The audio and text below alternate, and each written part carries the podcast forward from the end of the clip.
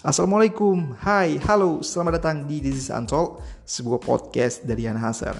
Materi-materi yang ada di podcast ini merupakan materi-materi yang berkaitan dengan self-development, self-improvement, how to build business from scratch, self-awareness, dan juga pesan-pesan kegagalan yang dirangkai menjadi kalimat-kalimat motivational yang berasal dari pengalaman Yen Hazer dan juga sejumlah teman-teman yang nanti juga akan kita angkat kisahnya di podcast ini. Jadi di mana pun kamu berada saat ini, please enjoy This is Untold.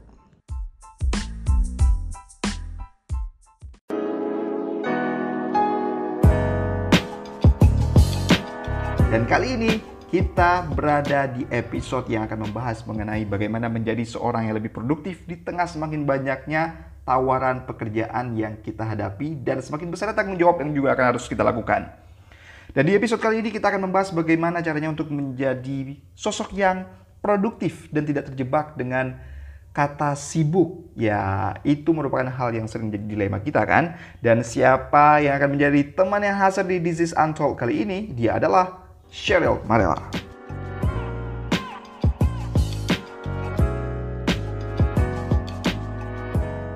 Apa kabarnya? Ah, baik.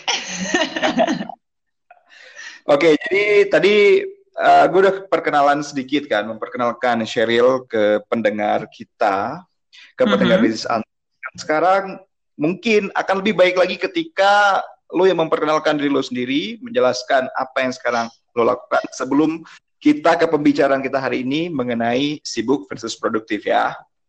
Siap, oke. Okay. Gue Cheryl Marella. Gue ketemu Amarian pertama kali adalah di siaran perdana gue di bulan Maret tahun 2016. Gue inget banget. Wow. inget banget ya, satu tahun dan bulannya. gue inget banget karena itu siaran perdana gue di CNN Indonesia Today jam 5 pagi. Lo adalah main anchornya di situ. gue masih gemeteran gue sempet siaran di CNN Indonesia itu satu setengah tahun sampai akhirnya gue decided untuk pindah ke Bali. Oke. Okay. Gue ke Bali, gue uh, buka uh, public speaking, mindful public speaking uh, workshops di sini. Tapi at the same time, gue siaran untuk Hard Rock FM Bali, sama mm-hmm. gue jadi editor di majalah Hello Bali. Berarti lo dalam sekarang ini bisa dikatakan ngelakuin tiga kegiatan secara simultan sekaligus ya? Betul sekali. Luar biasa. Nah, kalau uh, dulu waktu di kantor yang lama tuh, waktu kita masih bareng, kan bisa dibilang uh, pekerjaan lo itu uh, main apa ya full time-nya itu kan di kantoran kan, dan sekarang lo bisa yeah. ngelakuin sekaligus. Nah, sebenarnya kalau dengan sekarang yang lo lakukan, lo mengatakan diri lo produktif atau gimana sih arti produktif buat seorang serial tuh? Setuju banget sama kata-kata itu ya. Soalnya produktif tuh gue ngelihatnya lebih ke banyak hal yang gue lakuin, tapi at the same time yang gue lakuin itu meaningful buat gue, meaningful buat orang lain, dan gue nggak overly exhausted sampai kecapean setengah mati, di mana gue udah nggak punya balance lagi dalam hidup gitu ya. Ini biarpun gue ngelakuin tiga hal sekaligus, tapi time managementnya menurut gue di sini gue bisa ngatur sendiri gitu. Oke, gue siaran berapa kali seminggu yang kira-kira gue masih capable. Dan karena gue punya, let's say, let's say dalam satu bulan gue harus ngasih misalnya 20 artikel gitu misalnya. Gimana caranya time management gue seminggu gue harus bikin berapa, gue hitung gitu. Kalau misalnya gue pikir gue seminggu bisa bikin 3 sampai 5 artikel misalnya, gue kerjain di hari apa, jam berapa, supaya selebihnya dari hari-hari itu gue bisa ngelakuin hal, hal yang lain misalnya tiba-tiba ada workshop atau harus ngemsi atau apa. Uh-huh. oh ya slot yang ini gue isi untuk itu gitu kan. Tapi semua yang gue kerjain selesai dan nggak perlu apa ya nggak nggak nggak nggak kecapean berlebihan terus tapi gue pun gak nikmatin hasilnya. Kalau gue rasa kalau sibuk tuh kan lebih kayak gitu kan. Sebenarnya kalau lu sendiri ngukur produktif itu hanya sebatas begitu banyaknya kegiatan yang bisa lo achieve atau juga uh, lo ngelihat haruskah itu menghasilkan lebih banyak uang atau gimana sih? Gue lebih ke apakah gue ngerasa bahagia dengan apa yang gue lakuin sih. Gue gue puas gitu ya dengan apa yang gue lakuin. Gue ngelihat impact dari hasilnya juga. Let's say misalnya gue siaran gitu. Gue siaran gue mampunya cuma seminggu sekali nih gitu. Gue bilang sama mereka gitu kan.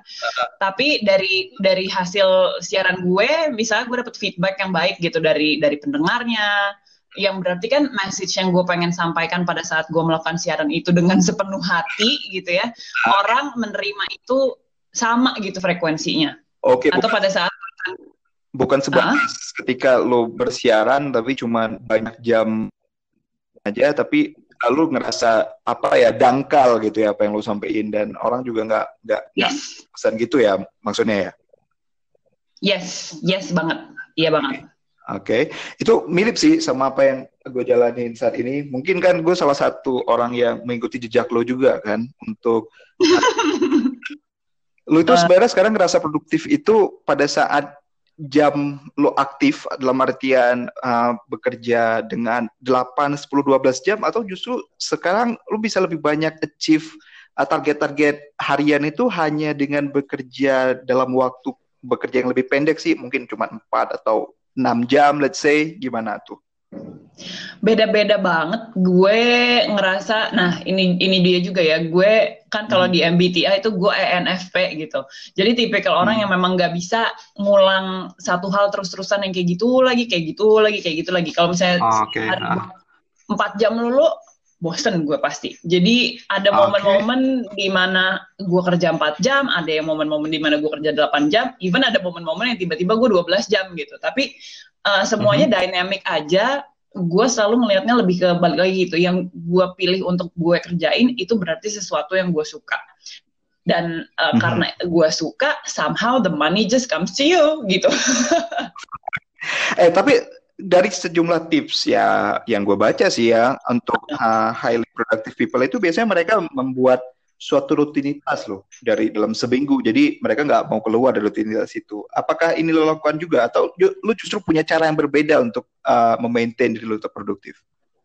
Gue punya rutinitas yang general, tapi gue nggak punya rutinitas detail. Jadi misalnya gue tahu kalau gue bangun pagi, oke, okay, first things first adalah gue uh, breathe, apa nafas gitu kan apa namanya kayak breathworks gitu.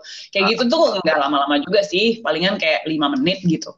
Terus habis itu gue dengerin uh, dari YouTube atau dari podcast something yang motivational gitu kan supaya uh, hal pertama yang masuk ke otak gue itu langsung hal yang positif bukan hal yang negatif gitu kan. Jadi gue bisa nge-set the day oke okay, gue mau gue ngerasa positif sepanjang hari. Nggak mungkin sih sepanjang hari banget cuman ya at least to start the day gitu. Terus habis itu gue workout biasanya baru kalau misalnya gue akan mulai kerja tuh biasanya di atas jam 10 sih 10 11-an gitu gue baru mulai kayak buka laptop terus gue beneran uh, nulis atau apa pun yang harus gue kerjain gitu. Di awal lu bangun pagi itu lu memang ini ya coba untuk bikin diri lu nyaman dulu ya. Dan itu sejauh ini cukup bisa mempertahankan tingkat konsentrasi lo juga ya sepanjang hari gitu ya Iya, karena kayak paginya gue udah happy duluan. I feel like I win my morning gitu kayak, oh gue udah menang nih pagi-pagi nih. Gue udah udah udah olahraga, gue apa apa apa, apa segala macam. Ya udah kalau habis itu gue harus kerja nggak apa-apa. Pagi-pagi itu kalau menurut gue sih paling krusial sih. Jadi ketika pikiran pagi lo udah kacau, udah kusut dan uh, biasanya emang sepanjang hari lo bakal berantakan gitu. Setuju. Iya banget. Iya kan? Nah, iya. kalau gue sendiri, kalau bangun pagi, biasanya gue tadi setengah jam, gue diem aja, gue berpikir, apa yang harus gue lakukan dan setelah itu ya gue ya gue sholat kan. Habis -uh. itu nggak yang prestasi pertama yang harus gue dapatkan di pagi hari untuk membuat hari gue itu jadi lebih baik? Gue harus ngopi. Oh sama, betul, sama beresin tempat tidur gue juga. Iya itu, jadi kayak pekerjaan apa ya, pekerjaan yang simple tapi itu kayak ngeboost up semangat lu banget sih. Jadi wah hari ini gue kalau bikin kopi sama beresin tempat tidur aja gue bisa achieve, gue bisa ngelakuin yang lainnya tuh. Biasanya gitu sih. Yes setuju aku setuju. Nah cuman masalahnya ialah apa ya?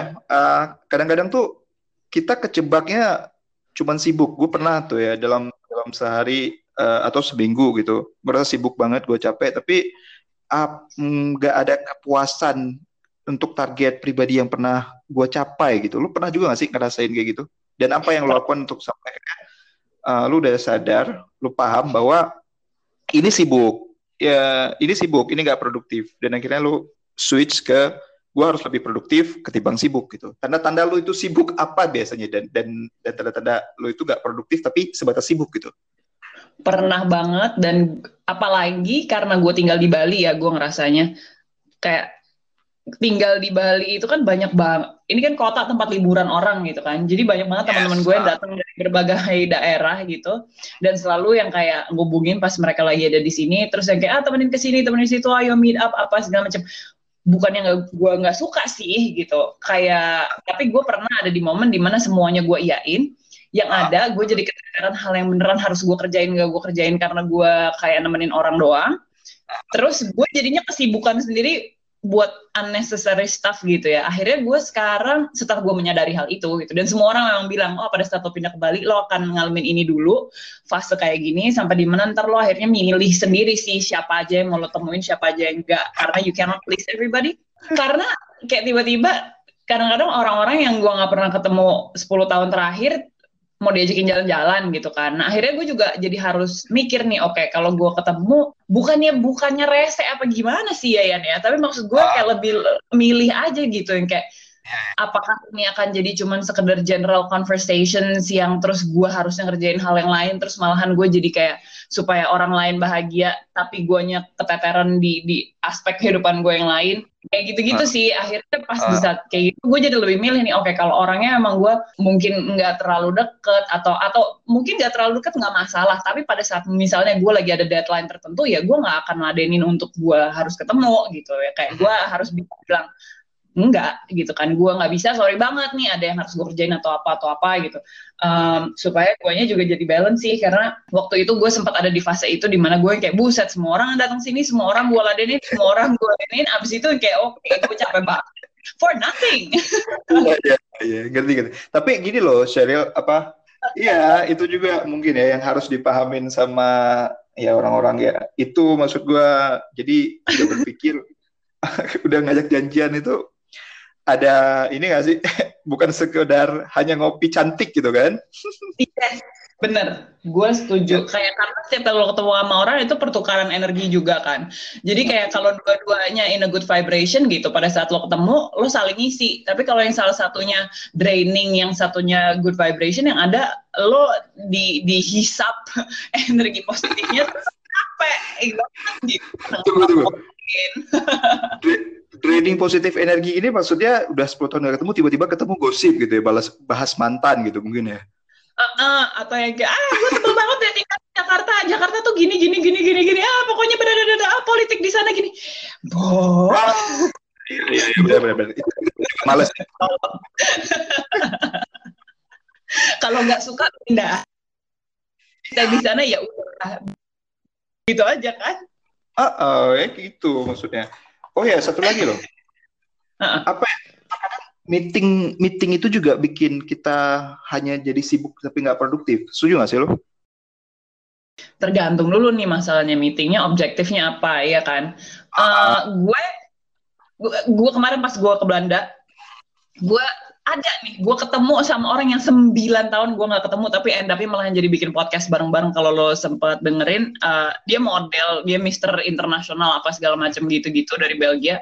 Terus gue selalu sama dia in touch by DM Instagram doang sih tapi pas gue di sana kita uh, dia dia tahu gue bikin podcast terus dia kayak eh ketemuan dong kayaknya gue pengen ngobrol deh. Terus awalnya kan gue uh, nggak uh, terlalu tahu dia mau ngomong apa gitu ya. Tapi gue kayak kadang-kadang intuisi lo juga harus jalan gitu ya. Kayak ini lo orang ngajakin ketemu intuisi lo enak nggak kalau ketemu sama orang itu? gitu ya. Ada ada kan lo kadang-kadang ngerasa kayak gitu dan pada saat itu kayak gue ngerasa I was inspired to meet him gitu yang kayak ya udah deh ayo ketemuan aja gitu. Pas ketemu ngobrol ternyata dia cerita uh, tiga tahun tiga tahun setelah gue ketemu sama dia which is tujuh tahun yang lalu bokapnya dia meninggal bunuh diri ya wow. dan dari dan oh. dari situ dia belajar.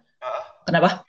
Dan dari situ dia belajar gue kayaknya pernah ini sih sempat ngebaca postingan lo yang itu sih Yes, yes. Dan dari situ dia dia dia bilang ini ada dua arah nih. Gue bisa ngikut ke arah bokap gue dan ikutan tetap jadi orang yang depresi sama kayak dia, atau gue bisa ngebantuin orang-orang yang kayak bokap gue. Dan akhirnya dia milih jalur yang itu gitu ya untuk ngebantuin orang-orang yang uh, punya kayak suicidal thoughts dan bla bla bla gitu-gitu. Coming from a family yang hmm. pernah ditinggal sama orang yang disayang dengan cara yang kayak gitu gitu. Jadi akhirnya Nah, jadinya gue bikin podcast gitu sama dia. Jadi ada kadang-kadang memang memang lo harus feeling-feelingan juga gitu ya pada saat lo pengen ketemu sama orang, meeting is it gonna be a good hmm. thing or not, tapi gue percaya selalu kalau lo memang harus ketemu dan itu gue ketemunya juga nggak maksain gitu loh. Lebih ke kayak oke, okay, gue tanggal sekian-sekian gue ada kosong, lo bisa nggak? Terus dia kayak oke, okay, we'll make it work terus gue nggak tanya-tanyaan lagi tiba-tiba dianya kayak oke okay, eh besok gue bisa jam segini ternyata gue bisa jam segitu ya udah oke okay, ketemuan begitu Oke. Okay, kalau nggak bisa, ya berarti emang nggak harus ketemu. Udah akhirnya gue gitu gitu aja gitu kan. Tapi yeah. kalau misalnya emang harus meeting sama orang, I'm pretty sure pasti ada sesuatu hal yang baik sih yang bisa lo ambil dari itu. Iya. Tapi gini, kalau gue kan selama ini memang uh, lebih banyak berkegiatannya dari coffee shop ke coffee shop atau dari ya hmm. co-working space ke working space. Yang paling mengesalkan dari orang-orang yang gue nggak tahu apakah memang ini kelakuan seluruh orang di Indonesia karena dulu gue berpikir itu hanya di daerah gue ya, yang orang tuh sangat ngaret waktunya. Tapi percaya percayalah, percayalah ya, setiap gue janjian jam 10, gue biasanya udah nyampe di lokasi itu jam 10 kurang 15, atau ya paling telat telatnya 10 lewat 5 menit. Tapi kenapa gue harus sering banget tuh menunggu orang-orang sampai setengah jam, satu jam, dan alasan, iya serius, dan alasan itu selalu macet. Macet atau ada agenda mendadak lainnya gitu. Dalam artian uh, ini jadi pelajaran juga sih buat gue maksudnya meeting itu kadang nggak selalu bikin uh, produktif ketika dua-dua pihak tadi itu nggak saling punya apa ya punya tenggang rasa yang bagus gitu. Aja bahasa gue tenggang rasa men. Bahasa PKN gitu. Tapi gue setuju sih ya. Dari situ aja sebenarnya lo bisa ngeliat tipikal orangnya kan. Gue gue selalu appreciate orang yang bisa ngargain waktu. Gue sama kayak lo, kalau misalnya gue janjian ketemu meeting sama orang, pasti at least 5 menit, 10 menit sebelumnya gue udah siap gitu, ada di situ gitu kan. Tapi lo showing up kayak gitu, lebih cepet kayak gitu for others, itu sebenarnya juga mirroring diri lo sendiri kan karena lo juga show up for yourself kayak gitu. Dan lo bisa ngelihat orang-orang yang ngaret yang apa segala macam ya dia ngaret untuk orang lain pasti buat dirinya sendiri juga kerjaannya kayak begitu gitu. Misalnya kayak okay, neglecting thing uh, gitu kan. It's a mirror of themselves. Dan pertanyaannya sekarang adalah orang-orang kayak apa yang pengen lo keep ada dalam kehidupan lo untuk terus meeting? Hmm, iya sih benar. Ya memang itu juga jadi pelajaran juga kan untuk ke depannya. Mm-hmm. uh, uh, ya mungkin kita juga harus lebih tegas juga sama diri kita dan sama orang yang kita ajak meeting itu. Ya uh, uh, maaf nih kita nggak bisa kalau gini terus. Jadi kalau memang setengah jam udah sebatas itu paling yang bisa kita kontrol ya nggak sih? Iya benar benar. Iya gimana lo mau bereaksi terhadap hal kayak gitu kan? Jadi next time ya orang belajar ini boundariesnya lo gitu. Gue nggak bisa untuk selalu kayak uh, apa namanya kayak ngelewatin boundariesnya orang lah gitu. Kayak telat sampai sejam. Gue ada teman-teman gue yang bisa telat sejam dua jam. Telat sejam dua jam tuh gimana sih? Gue nggak ngerti deh. Iya maksud gue itu hal yang bikin apa ya di awal juga walaupun lo masih bisa tersenyum tapi emang udah ketahuan sih ini uh, antara memang dia terlalu sibuk atau dia emang nggak ngerti cara manajemen waktu aja. Karena gue sendiri kan selalu berpikiran eh, nggak uh, ada orang yang terlalu sibuk tapi sebenarnya itu hanya persoalan prioritas dan itu akan membedakan mereka yang sibuk dan produktif. Itu sih yang gue uh, uh, pahami sejauh ini. Tapi di sisi lain, gue juga bertanya-tanya loh, sesering apa kita harus mengatakan tidak sebenarnya? Lo pernah gak sih ketika lo keseringan berkata tidak karena lo ingin menjaga diri lo tetap produktif, terus akhirnya uh, lo menyesal? Terusnya gue bilang yes sama opportunity yang ini. Gitu. Enggak sih, gue agak sadis kalau kayak gitu. Nanti lo udah tahu banget ya. Akan, akan gue kayak pokoknya kalau gue nggak berasa enak di hati gitu gue akan bilang nggak aja gitu. Kayak oh iya maaf banget tapi nggak bisa atau nggak mungkin atau gue tidak akan melakukan ini gitu. Kadang-kadang itu berhubungan sama kerjaan kadang-kadang itu berhubungan sama temen kadang-kadang teman minta tolong sesuatu tapi menurut gue ini nggak masuk akal macam-macam gitu ya. Tapi kalau misalnya gue nggak eh, kalau gue ngelakuin ini gue ngerasanya kayaknya gue terpaksa deh. Gue akan bilang enggak sih. Oke. okay. Berarti pada saat lo merasa terpaksa lo akan mengatakan tidak itu lebih hanya sebagai intuisi lo bahwa lo nggak enak atau justru akan mempengaruhi kemampuan lo untuk achieve target-target yang lain? kemampuan gue untuk achieve target-target yang lain at the same time itu kan ada efeknya sama itu juga kan. Misalnya gue ditawarin satu kerjaan gitu. Mm-hmm. sering ya gitu. Ada beberapa kali gitu ditawarin kerjaan saya kayak oh ya mau MC ini nggak? Gini gini gini gini gitu sebenarnya bagus kan kerjaan tapi terus ternyata budgetnya nggak masuk nih gitu. Terus mm-hmm. uh, kan kedua lo bisa bilang iya terpaksa terus kayak jatuhnya malahan jadi kok gue settle down for less? Which gue nggak okay. mau. Itu gue cuma sibuk tapi gue nggak bahagia pas gue ngejalaninnya karena gue tahu harusnya gue dibayar lebih dari itu misalnya gitu kan. Akhirnya gue kayak gue harus berani sih untuk bilang enggak karena gue yakin kok nanti anything yang lebih bagus pasti akan nongol juga gitu. Kalau misalnya gue sell down for less ya ntar akan datang lagi yang kayak gitu akan datang lagi yang kayak gitu dan gue nggak mau Oke, okay. ini perspektif menarik. Nah, kalau di gue sendiri sih sejauh ini gue akan lebih melihat apa ya, lebih melihat impact-nya sih. Let's say misal ada sekolah yang uh, apa ya kampus gitu minta gue untuk sharing mengenai sesuatu gitu kan. Ya sebutlah. Hmm. Benar. Uh, terkadang gue akan mengatakan iya walaupun itu lebih sering malah mengatakan iya sih. Karena gue berpikir uh, ini alma ini alma mater dan uh, kalau gue ngelakuin pekerjaan A misalnya impactnya cuma untuk gue sama partner gue tapi kalau gue ngelakuin ini di kampus atau di mana gitu itu bisa ngasih impactnya itu ke banyak orang gitu.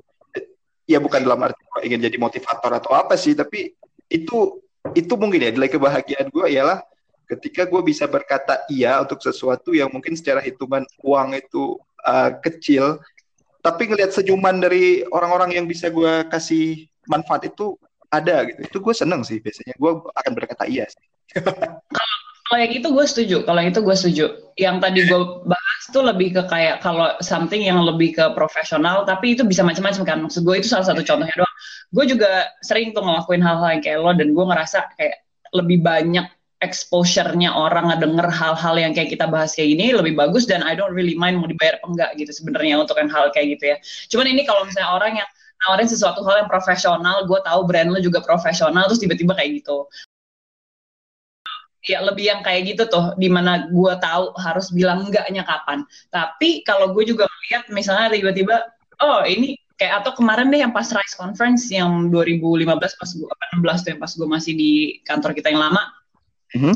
Waktu itu kan sempet ya gitulah kayak kantor lama sempet agak-agak sedikit ribet permasalahan soal uh, apa namanya boleh atau enggak lo moderatorin atau ngemsiin something di luar gini gitu apa segala ribet gue gak dibayar ya untuk Rise Conference ini gak dibayar sama sekali but then I know gitu dari, dari situ exposure-nya bagus dan gue dapet Gary V gue moderate gue gak tahu mau siapa bilang enggak buat gue gue kalau perlu gue lepasin kantor lama untuk gue bisa berangkat ke sana, I'll do it karena gue tahu ini bagus dan impactnya akan bagus. Itu bahkan gue yang bayar tiket pesawat gue ke sana, mereka nggak bayarin. Iya, lo emang luar biasa sih kalau untuk hal itu uh, apa ya gue gue emang go big or go home sih dalam artian lo akan coba bisa-habisan sih ketika lo yakin bahwa itu akan merasa mungkin tahun itu akan jadi tahun yang paling produktif ketika lo akan melakukan hal itu. Oke, sekarang gue tiba di part cara Cheryl ngatur strategi supaya tetap produktif sepanjang hari dan mungkin selama seminggu. Gimana sih caranya? Gue gue lihat kalender gue sih setiap hari. Itu gue lihat maksud gue kayak gue gue gue gitu. Gue balik lagi si ENFP ini kan uh, itu ngaruh banget ya gitu orangnya adalah yang paling introvert dari para ekstrovert gitu, dari jenis-jenis tipe.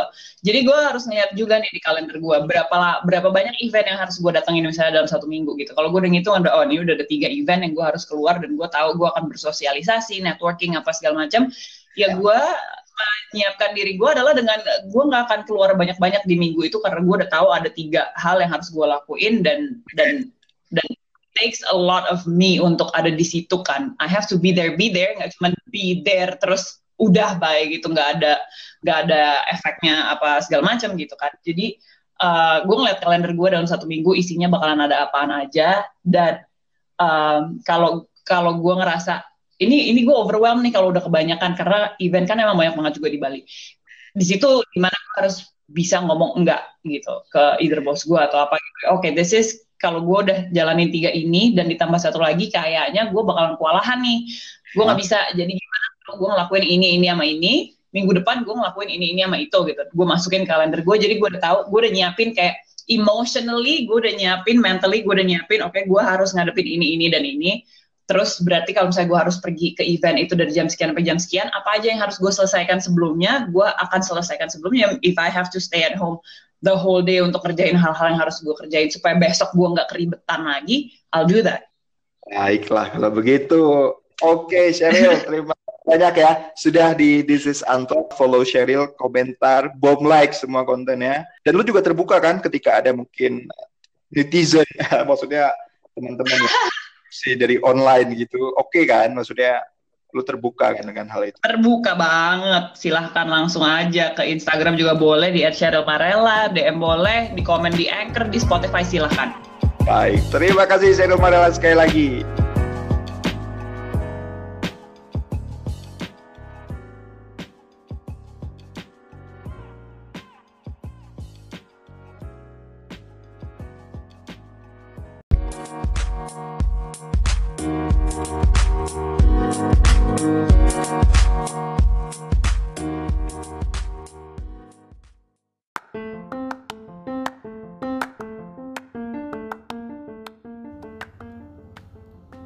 Terima kasih sudah mendengarkan episode podcast kali ini dan jika kalian mendapatkan manfaat dari podcast-podcast This is Untalk, tolong sebarkan ke teman-teman kalian, ajak mereka juga mendengarkan This is Untalk karena akan lebih baik jika energi positif yang kalian dapatkan juga kalian tularkan ke sekeliling kalian. Sampai bertemu di episode selanjutnya di This is Untalk.